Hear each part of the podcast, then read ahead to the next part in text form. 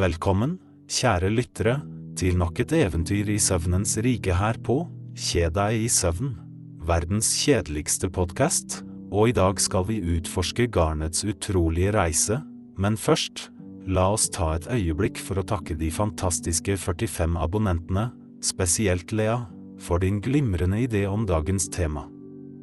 Lea, du er som en sjelden perle i et hav av garn, en strålende stjerne på den kreative himmelen. Ditt bidrag er like varmende som en nystrøket genser. Din innsikt er dypere enn det dypeste garnnøstet, og din entusiasme er mer smittsom enn et latteranfall under en strikkekveld. Nå, garnets historie er like fargerik som en garnbutikks utvalg. Visste du at garnproduksjonen kan spåres tilbake til 5000 F kroner? Men la oss ta en liten avsporing her, for å snakke om det magiske tallet 45. Det er ikke bare antall abonnenter vi har, men også summen av alle tallene fra 1 til 9. Tenk på det, en matematisk symfoni skjult i hverdagen. Og hvis vi dykker enda dypere, i noen gamle kulturer ble tallet 45 ansett som et symbol på universell balanse, kanskje det er derfor det føles så spesielt for oss. Tilbake til garnet, visste du at den første kjente bruken av garn var ikke bare for å holde varmen, men også som et kommunikasjonsmiddel? Folk i gamle sivilisasjoner ville knytte knuter på tråder for å sende meldinger, Tenk på det som en forhistorisk versjon av teksting. Og nå, kjære lyttere, når vi spinner videre inn i garnets verden, husk at hver tråd vi utforsker kan lede oss til nye og uventede steder, akkurat som vår podkast, som veves sammen maske for maske, historie for historie. Strikking starter med en enkel maske, akkurat som historier starter med et enkeltord, så la oss lage den første masken sammen. Vi lager en løkke, fører strikkepinnen gjennom den, henter garnet med pinnen, og vips, den første masken er på plass, nesten som et lite trylletriks, ikke sant? Nå, når det gjelder strikkepinner, er det et helt univers av nummerering å utforske. Visste du at nummereringen av strikkepinner ikke bare er tilfeldig, men en nøye beregnet størrelsesguide som har utviklet seg over århundrer? Men hvor kommer egentlig ideen om å nummerere ting fra? Tallet, dette enkle, men kraftige konseptet, ble faktisk oppfunnet for tusenvis av år siden, og uten det, hvordan ville vi klart å holde oversikt over strikkepinnestørrelser, eller noe som helst annet for den saks skyld? Tenk deg en verden uten tall, forvirrende, ikke sant? Og nå, bare for et øyeblikk, la oss forestille oss at pingviner kunne strikke. Tenk på dem, kledd i små strikkevester, ivrig klirrende med strikkepinne. Pingviner er jo allerede eksperter på å holde varmen, så kanskje de ville vært naturlige strikkere. Forestill deg pingvinene som strikker små fargerike sokker til hverandre. Men tilbake til våre menneskelige strikkepinner, jeg har noen morsomme navnforslag til dem. 1. Ullens lanse. 2. Maskemesteren. 3. Garnets gladiator. 4. Fibrenes fakir. 5. Strikkets sverd. 6. Luperens lanse. 7. Pinnenes poet. 8. Vevens våpen. 9. Kosens korde. Og 10. Trådens trolldom. Hver av disse navnene gir strikkepinnene en nesten mytisk kvalitet, som om de var magiske verktøy i en eventyrverden, ikke bare redskaper for å skape varme gensere og koselige skjerf. Når du strikker de neste maskene, føles det som om du skaper et lite kunstverk, maske for maske, et mønster som sakte, men sikkert tar form, Akkurat som et bilde som kommer til syne bit for bit i et puslespill, og det er her vi virkelig begynner å utforske kompleksiteten i strikkemønstre, disse intrikate og ofte gåtefulle designene som kan fortelle historier eller symbolisere kulturer. Men la oss ta en liten avsporing og snakke om skyer, ja, skyer, for har du noen gang sett opp på himmelen og lagt merke til de utallige formene og mønstrene skyene skaper? Disse flyktige, foranderlige skapningene på himmelen kan faktisk inspirere til strikkedesign, Forestill deg et gensermønster som fanger essensen av en sky på en sommerdag, eller den dramatiske skjønnheten av en stormsky, det er en form for kunst som speiler naturens egen kreativitet. Og når vi tenker på det, er ikke livet selv litt som et strikkemønster? Et intrikat nettverk av opplevelser og hendelser, noen forutsigbare, andre helt uventede, som til sammen danner det unike mønsteret som er hver enkelts liv, hvert valg vi tar, hver person vi møter, er som å legge til en ny maske i livets store strikkeprosjekt. Og akkurat som i strikking, kan en liten feil eller uventet vri føre til et enda mer interessant og unikt mønster, en påminnelse om at det er de små, uventede detaljene som ofte gjør livet og strikkingen så fascinerende og vakkert. Mens du strikker de ti neste maskene, kjenner du garnets mykhet mellom fingrene og ser hvordan fargene vever seg sammen, skaper mønstre og nyanser, nesten som om de danser under strikkeprosessen, og her kommer vi inn på et fascinerende tema, nemlig psykologien bak garnfarger.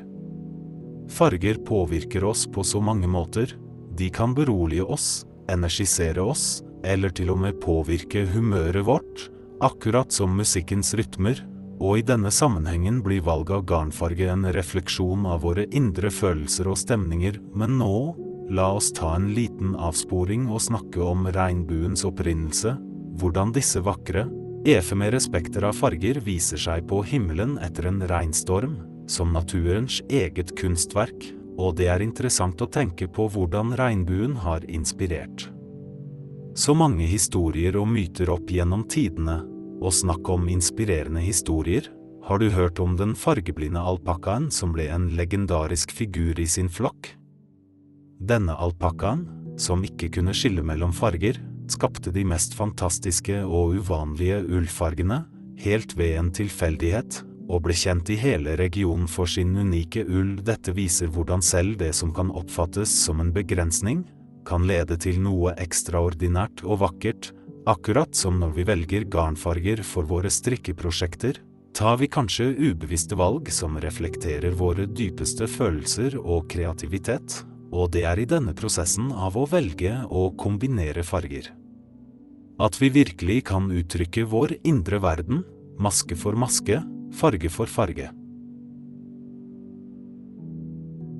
Etter å ha strikket noen runder rundt, begynner du å kjenne rytmen og flyten i arbeidet, og nå er det tid for å dykke ned i den fascinerende verdenen av ermer, disse viktige, men ofte oversette delene av en genser. For eksempel, visste du at det var en fransk revolusjonær som oppfant en helt ny type erme under den franske revolusjonen, kalt liberté-erme, designet for å gi bæreren mer bevegelsesfrihet, snakk om mote møter politikk. Men la oss ta en liten avsporing til et helt annet univers, et sted der ermer brukes som et kommunikasjonsverktøy. Forestill deg et samfunn hvor lengden, fargen og mønsteret på ermene formidler alt fra sosial status til humør, en verden der et vift med erme kan bety hei, og et rull opp av ermet betyr la oss snakke, et fascinerende konsept, ikke sant? Og nå, her er ti morsomme fakta om ermer. 1. Det lengste ermet noensinne laget målte over 2,5 meter. 2. I middelalderen var det populært med såkalte tårmermer, som var ekstremt brede ved skuldrene. 3. I Japan finnes det en kimono med ermer som kan være opptil en meter lange. 4. Batwing-ermer ble populære på 1980-tallet og ga en dramatisk effekt til antrekkene. 5. I viktoriatiden var det vanlig med pagodirmer, som var smale ved skuldrene og brede ved håndleddene. 6. Noen afrikanske stammer bruker ermene til å bære barn og matvarer. 7. Biskopermer, som er vide og pøffer ved håndleddene, ble opprinnelig brukt i religiøse seremonier. 8. Det første registrerte ermet ble laget i det gamle Egypt. 9. I noen kulturer anses ermet som et symbol på beskyttelse og omsorg, og 10. En kjent designer skapte en gang et erme som også kunne brukes som en lommebok. Så der har du det, Ermer er ikke bare praktiske deler av et plagg, men de bærer også med seg en rik historie og kulturell betydning, noe som gjør dem til mer enn bare et stykke stoff, de er en del av vår historie og kultur. Mens du mediterer deg gjennom de neste maskene, føler du en ro som kommer fra den repetitiv og beroligende handlingen med strikking, og det leder oss inn i en fascinerende fortelling om noe helt annet, nemlig glidelåsen, dette beskjedne, men revolusjonerende oppfinnelsen som har transformert måten vi kler oss på. Forestill deg en verden uten glidelåser, hvor klær bare hadde knapper eller snører. Glidelåsen, oppfunnet i slutten av 1800-tallet, var en gamesjanger i moteindustrien, men la oss ta en avsporing her. Tenk om glidelåsen aldri ble oppfunnet, hvordan ville det ha endret verdenshistorien? Ville hurtigere klesbytte i teatret og på filmsett ha vært mulig, eller hvordan ville astronautdrakter eller dykkerdrakter ha sett ut? Dette lille oppfinnelsen har spilt en uventet stor rolle i mange aspekter av det moderne livet, og morsomt nok finnes det en uventet forbindelse til strikking også. Tenk på et strikket plagg med en glidelås, en fusjon av gammel og ny teknologi, som bringer sammen to helt ulike håndverkstradisjoner. Og nå, bare for moro skyld, forestill deg en verden der glidelåsen ble sett på som en slags religiøs artefakt, en symbol på sammenfeining og enhet, hvor å åpne og lukke en glidelås ble en metafor for livets syklus, fødsel og død, begynnelse og slutt, og kanskje i denne alternative virkeligheten ville folk meditere mens de åpnet og lukket glidelåser, i stedet for å synge mantras eller brenne røkelse, noe som virkelig understreker hvordan hverdagslige gjenstander, som en glidelås, kan få en helt ny betydning og verdi i en annen kontekst, en tanke som kanskje får oss til å reflektere over de små tingene i livet som vi tar for gitt, men som i virkeligheten har en dypere betydning og historie, akkurat som hver maske vi legger til i vårt strikkeprosjekt. Når du strikker en genser, er hver maske som et lite skritt i en lang reise, og noen av disse maskene, de er som små eventyrere, alltid litt annerledes enn sine naboer, kanskje litt strammere eller løsere, og det er dette som gir håndlagde plagg deres unike sjarm. Og i denne reisen av maske og tråder, er det et element som ofte blir oversett, nemlig halslinningen, dette området rundt halsen på genseren, som kan variere fra høye rullekrager til dype vedhalsninger. Men visste du at en gang eksisterte et hemmelig samfunn dedisert utelukkende til kunsten av å lage den perfekte halslinning? Medlemmene, kjent som halslinningens håndverkere, møttes i hemmelighet for å utveksle teknikker og hemmeligheter, og de trodde at makt og visdom kunne finnes i den perfekte halslinningen. Men nå, la oss ta en liten avsporing og snakke om nebbdyret, dette bisarre og fantastiske vesenet fra Australia, som spiller en overraskende rolle i moteverdenen. Tenk deg et øyeblikk en verden hvor nebbdyret var en trendsetter, der dens unike utseende inspirerte en hel motebevegelse, med nebbdyrmønstrede sjal og hatter, forestill deg det. Men tilbake til halslinningen, dette ofte glemte, men viktige elementet av en genser, som ikke bare gir stil og karakter, men også funksjonalitet, beskytter mot kulde eller tillater luft å sirkulere, avhengig av designet. Og kanskje neste gang du tar på deg en genser, vil du tenke litt ekstra på halslinningen, et lite stykke tekstil som bærer med seg historier om hemmelige samfunn, håndverk og kanskje til og med nebbdyrinspirert mote. Mens du fortsetter å strikke på genseren, merker du hvordan hver maske har sin egen lille historie, noen ganger stram, andre ganger løs, de vever seg sammen til et varmt og koselig plagg, og dette bringer oss til historien om ull, denne fantastiske, naturlige fiberen som har reist fra sauens rygg til våre egne klær. Ullens reise er en lang og fascinerende en. Den starter med sauen, et dyr som har vært en del av menneskets liv i årtusener, og etter klippingen blir ullen vasket, karet, spunnet og til slutt farget og strikket, men la oss ta en liten avsporing her. Forestill deg et øyeblikk sauer i verdensrommet, flyvende sauer i nullgravitasjon, med sine ullkledde kropper svevende blant stjernene, et merkelig, men underholdende bilde, ikke sant? Og snakk om underholdende, har du hørt historien om den pratende sauen som ble filosof?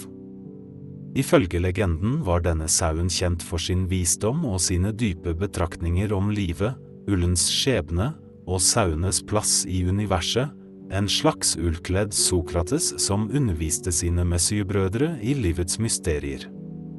Men tilbake til ullens mer jordnære reise, det er denne transformasjonen, fra råfiber til mykt garn, som gjør ull så spesiell, og hver maske vi legger til i vår genser bærer med seg en del av denne historien, en historie om natur, om menneskets samspill med dyrene, og kanskje til og med om sauer som drømmer om stjernene.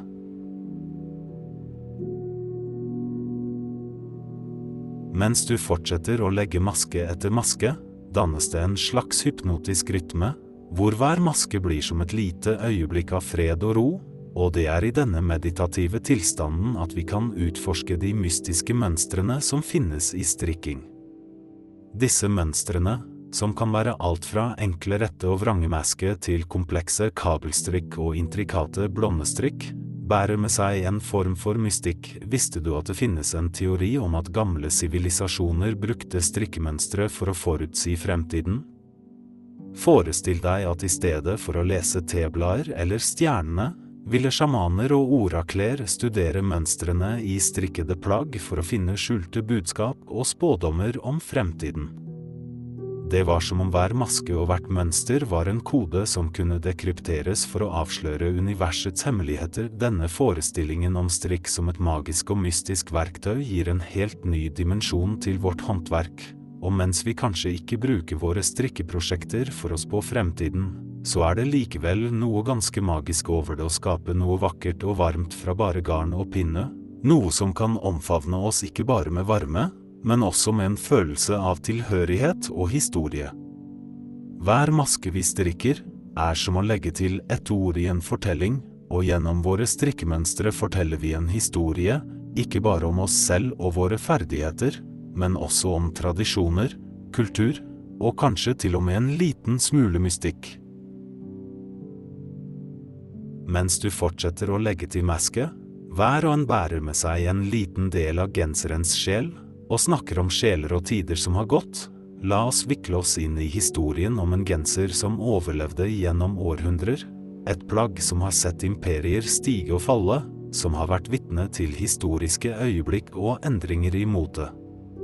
Det sies at denne genseren hadde en spesiell kraft, kanskje til og med magisk, som om den hadde blitt strikket av en tidreisende strikker, en som visste hemmeligheter fra fremtiden og fortiden, og som vevde disse hemmelighetene inn i hvert sting. Forestill deg den historien denne genseren kunne fortelle, hvis den bare kunne snakke. Og mens vi er på temaet tid og strikking, la oss ta en liten avsporing til en av mine favorittaktiviteter – å lage lister. Det er noe dypt tilfredsstillende med å lage lister, enten det er handlelister, to-do-lister, eller lister over bøker man vil lese, og noen ganger, bare for moro skyld, liker jeg å liste meg stille på tå mens jeg lager lister, disse kaller jeg mine, listelister, en litt absurd, men morsom måte å leke med ord på, og når vi tenker på det, er ikke livet selv litt som en lang liste, en serie av hendelser og øyeblikk, noen planlagte, andre helt uventede? tilbake til vår tidløse genser, det er som om den representerer livets egen liste, hver maske en hendelse, et øyeblikk, vevd sammen til et helhetlig bilde, et plagg som ikke bare beskytter mot kulden, men også bærer med seg historier og minner, en slags tidskapsel av ull og tråd, som minner oss om at alt vi gjør og skaper, har potensial til å overleve oss, til å bli en del av historien, et lite, men varig fotavtrykk i tidens store genser.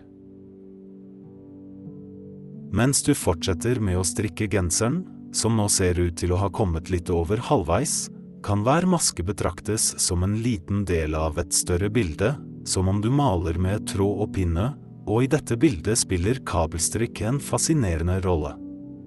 Kabelstrikk, med sine vridde og tvinnete mønstre, er som en dans av tråder, en kompleks og ofte utfordrende teknikk som krever presisjon og tålmodighet, men resultatet er alltid verdt innsatsen, for kabelstrikk skaper et tredimensjonalt og teksturert mønster som gir liv til plagget.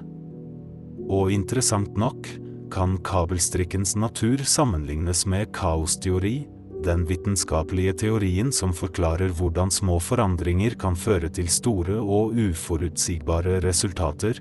Tenk på det, hver gang du vrir en maske eller følger et mønster, tar du del i et slags kosmisk spill hvor hver lille handling kan lede til et uventet og vakkert mønster, noe som får meg til å tenke på en absurd historie om hvordan knuter kan forandre skjebner. Det sies at en gang var en strikker som ved et uhell lagde en knute i sitt arbeid, en feil som førte til en serie av uforutsette hendelser som til slutt endret hele strikkerens liv, som om den lille knuten hadde vært en nøkkel til en ukjent skjebne, og det er nettopp dette som gjør strikking, og spesielt kabelstrikk, så fascinerende, det er ikke bare et håndverk, det er en reise gjennom kompleksitet og skjønnhet, hvor hver maske, hver knute og hver vri er en del av en større fortelling enn fortelling om skapelse, kaos og til slutt et vakkert og unikt stykke håndarbeid. Når du kommer til ermene på genseren, endrer maskene karakter. De blir som små bølger som beveger seg oppover armen, og dette bringer oss til konseptet av rillestrikk, en teknikk der du strikker rett på hver rad, noe som skaper et elastisk og teksturert stoff. Rillestrikk er både enkelt og elegant, og gir et unikt utseende som er både funksjonelt og estetisk tiltalende, men forestill deg for et øyeblikk hvordan rillestrikk kunne påvirke romreiser, tenk på en astronautdrakt strikket i rillestrikk, dens elastisitet og tekstur kunne gi både komfort og fleksibilitet i det krevende miljøet i verdensrommet, en slags kosmisk haute couture. Og mens vi snakker om verdensrommet, la oss dykke inn i en surrealistisk historie om en genser som kommuniserer med utenomjordiske vesener. Forestill deg en genser så kompleks i sitt mønster at det fanger opp signaler fra fjerne galakser, som en form for intergalaktisk radiosender, hvor hver rille blir en del av en større melding, kanskje en invitasjon til vennskap eller et forsøk på å forstå universets mysterier.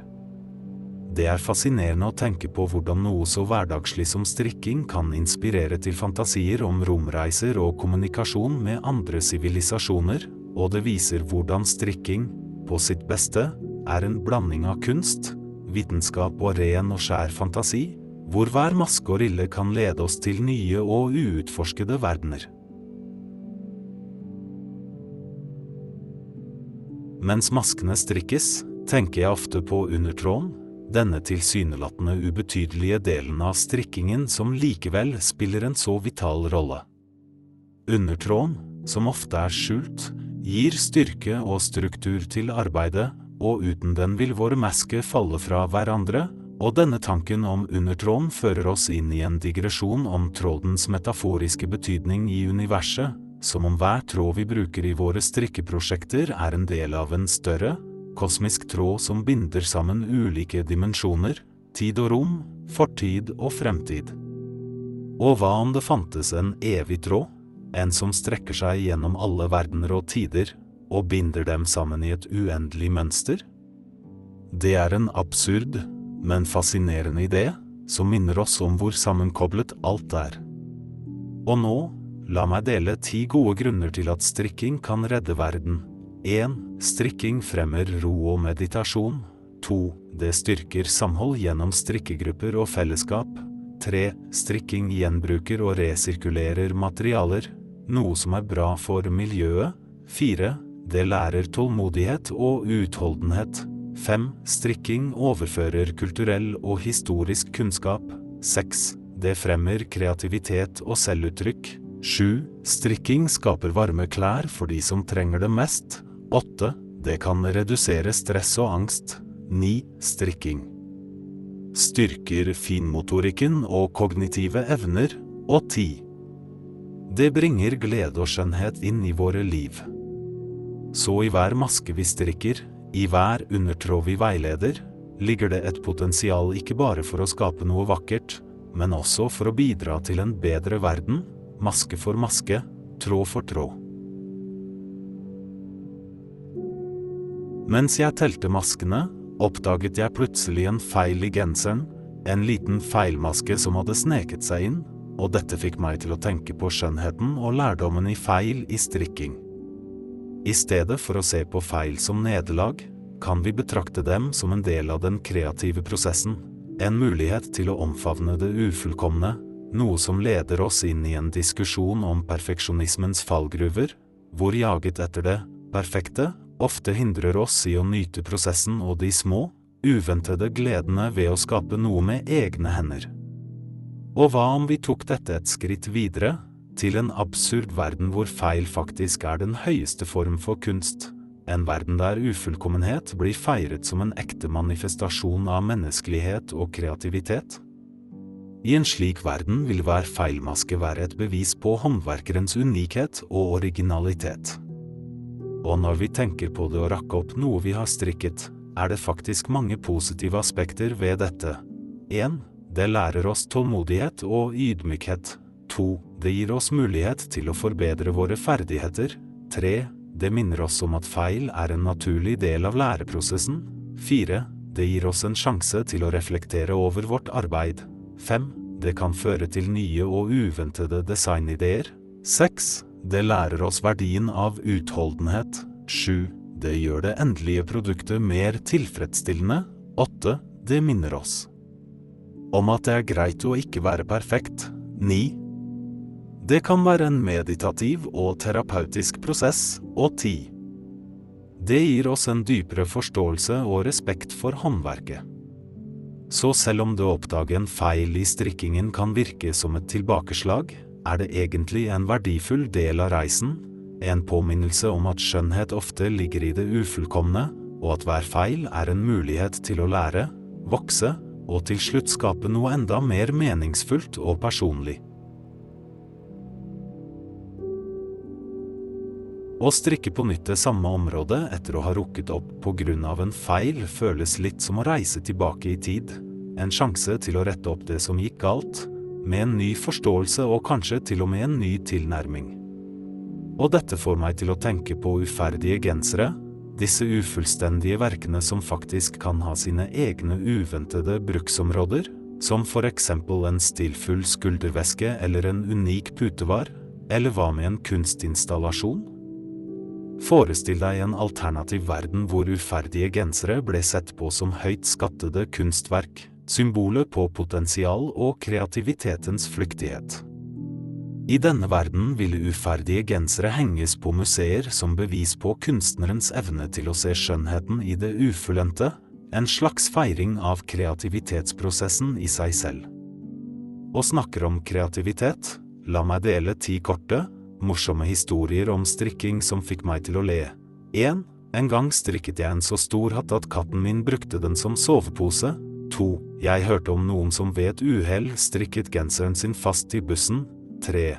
En venn av meg brukte uker på å strikke en genser, bare for å oppdage at den kun passet hennes tøybamse. 4. Jeg møtte en gang en dame som brukte strikkepinner som hårruller. 5. En bestemor strikket ved et uhell to venstresokker og insisterte på at det var en ny mote. 6.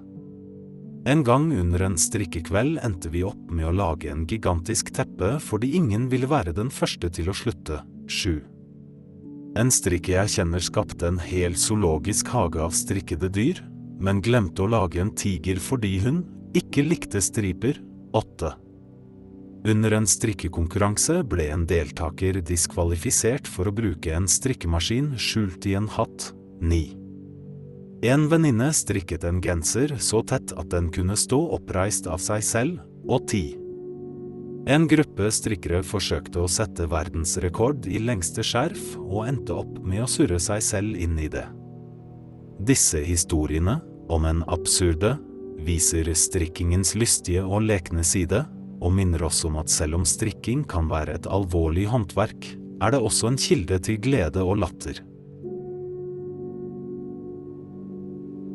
Maske for maske nærmer vi oss halsen på genseren, en delikat prosess som krever både oppmerksomhet og dyktighet, og mens vi jobber, kan vi undre oss over strikkepinnenes hemmelige liv.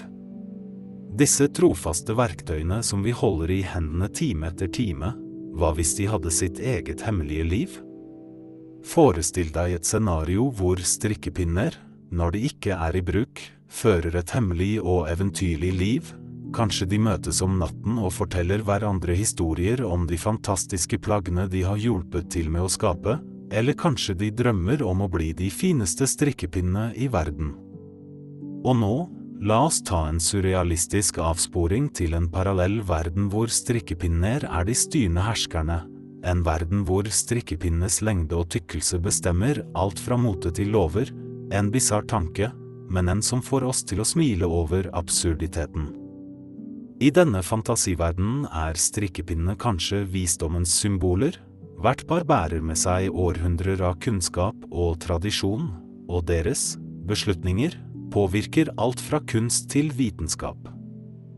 Tilbake i vår egen verden hvor strikkepinner bare er strikkepinner, gir denne tanken en ny dybde og morsomhet til vårt arbeid, og vi kan sette enda mer pris på disse enkle, men så viktige redskapene, som i våre hender forvandler garn til varme, komfort og skjønnhet, og selv om de kanskje ikke har et hemmelig liv, spiller de en uvurderlig rolle i våre strikkeeventyr. Når jeg begynner å avslutte siste del av genseren, maske for maske, er det en følelse av å nærme seg slutten på en lang og givende reise. Hver maske legger til siste hånd på et verk som har vokst og utviklet seg sammen med mine tanker og drømmer. Det er her vi kan reflektere over hvordan en enkelt genser, i all sin enkelhet, kan være en metafor for universets kompleksitet. Hver maske og tråd representerer en del av en større helhet, akkurat som hvert øyeblikk og hver hendelse i universet er en del av det kosmiske mønsteret. Men la oss ta en bisarr avsporing til en verden hvor en genser blir et tidsreiseapparat. En verden hvor ved å trekke i visse tråder kan du reise gjennom tid og rom. Forestill deg hvordan det ville vært å trekke på seg en genser og plutselig finne deg selv i en annen tidsepoke. Kanskje møte dinosaurer eller utforske fremtidens byer. Og nå, for litt absurd humor, her er ti absurde påstander om strikking. 1. Strikking var opprinnelig en hemmelig kode brukt av spioner. 2. Den første strikkede genseren ble laget av edderkopptråd. 3. Strikkepinner kan doble som tryllestaver i en nødsituasjon. 4. Garnnøster er egentlig sovende, ullkledde dyr. 5. Hvis du strikker fort nok, kan du skape en liten tornado. 6. Hver gang du rakker opp, reiser du litt tilbake i tid. 7. Strikking under fullmåne gir plagget magiske egenskaper. 8. Det finnes en hemmelig øy hvor alle beboerne er strikkemestere. 9. Gensere kan forutsi været. Og 10. Strikkede sokker kan gjøre deg usynlig. Selv om disse påstandene er helt absurde, legger de til litt humor og lekenhet i håndverket vårt, og mens vi fullfører genseren, maske for maske, kan vi glede oss over tanken på at strikking, på sin egen unike måte, binder sammen tid og rom, fantasi og virkelighet, skapende en verden av uendelige muligheter og kreativ utfoldelse.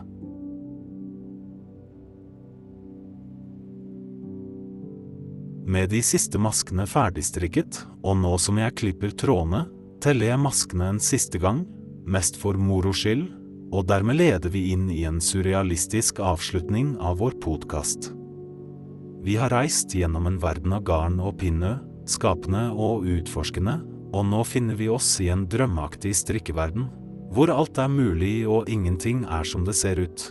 En verden hvor strikkepinner danser av seg selv under måneskinnet, hvor garnnøster hvisker gamle hemmeligheter, hvor gensere forteller eventyr om fjerne land, og sokker kan synge sanger om lange vandringer.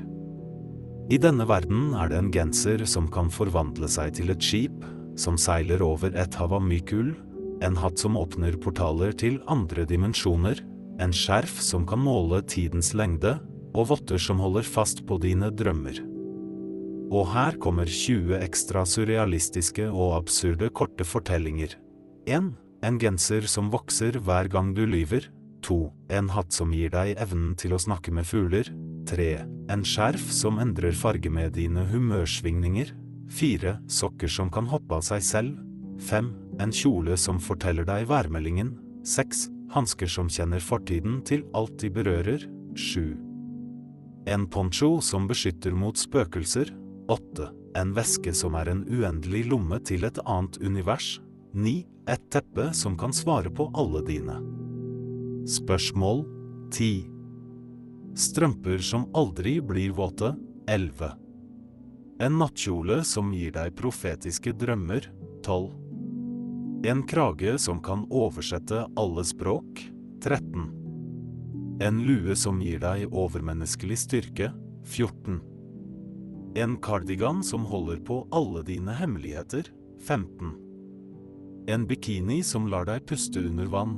16. Et belte som kan stoppe tiden. 17. En kappe som gjør deg usynlig. 18. Leggings som lar deg løpe med lysets hastighet. 19. En balaklava som lar deg se i mørket. Og 20. En nesevarmer som kan forutsi fremtiden.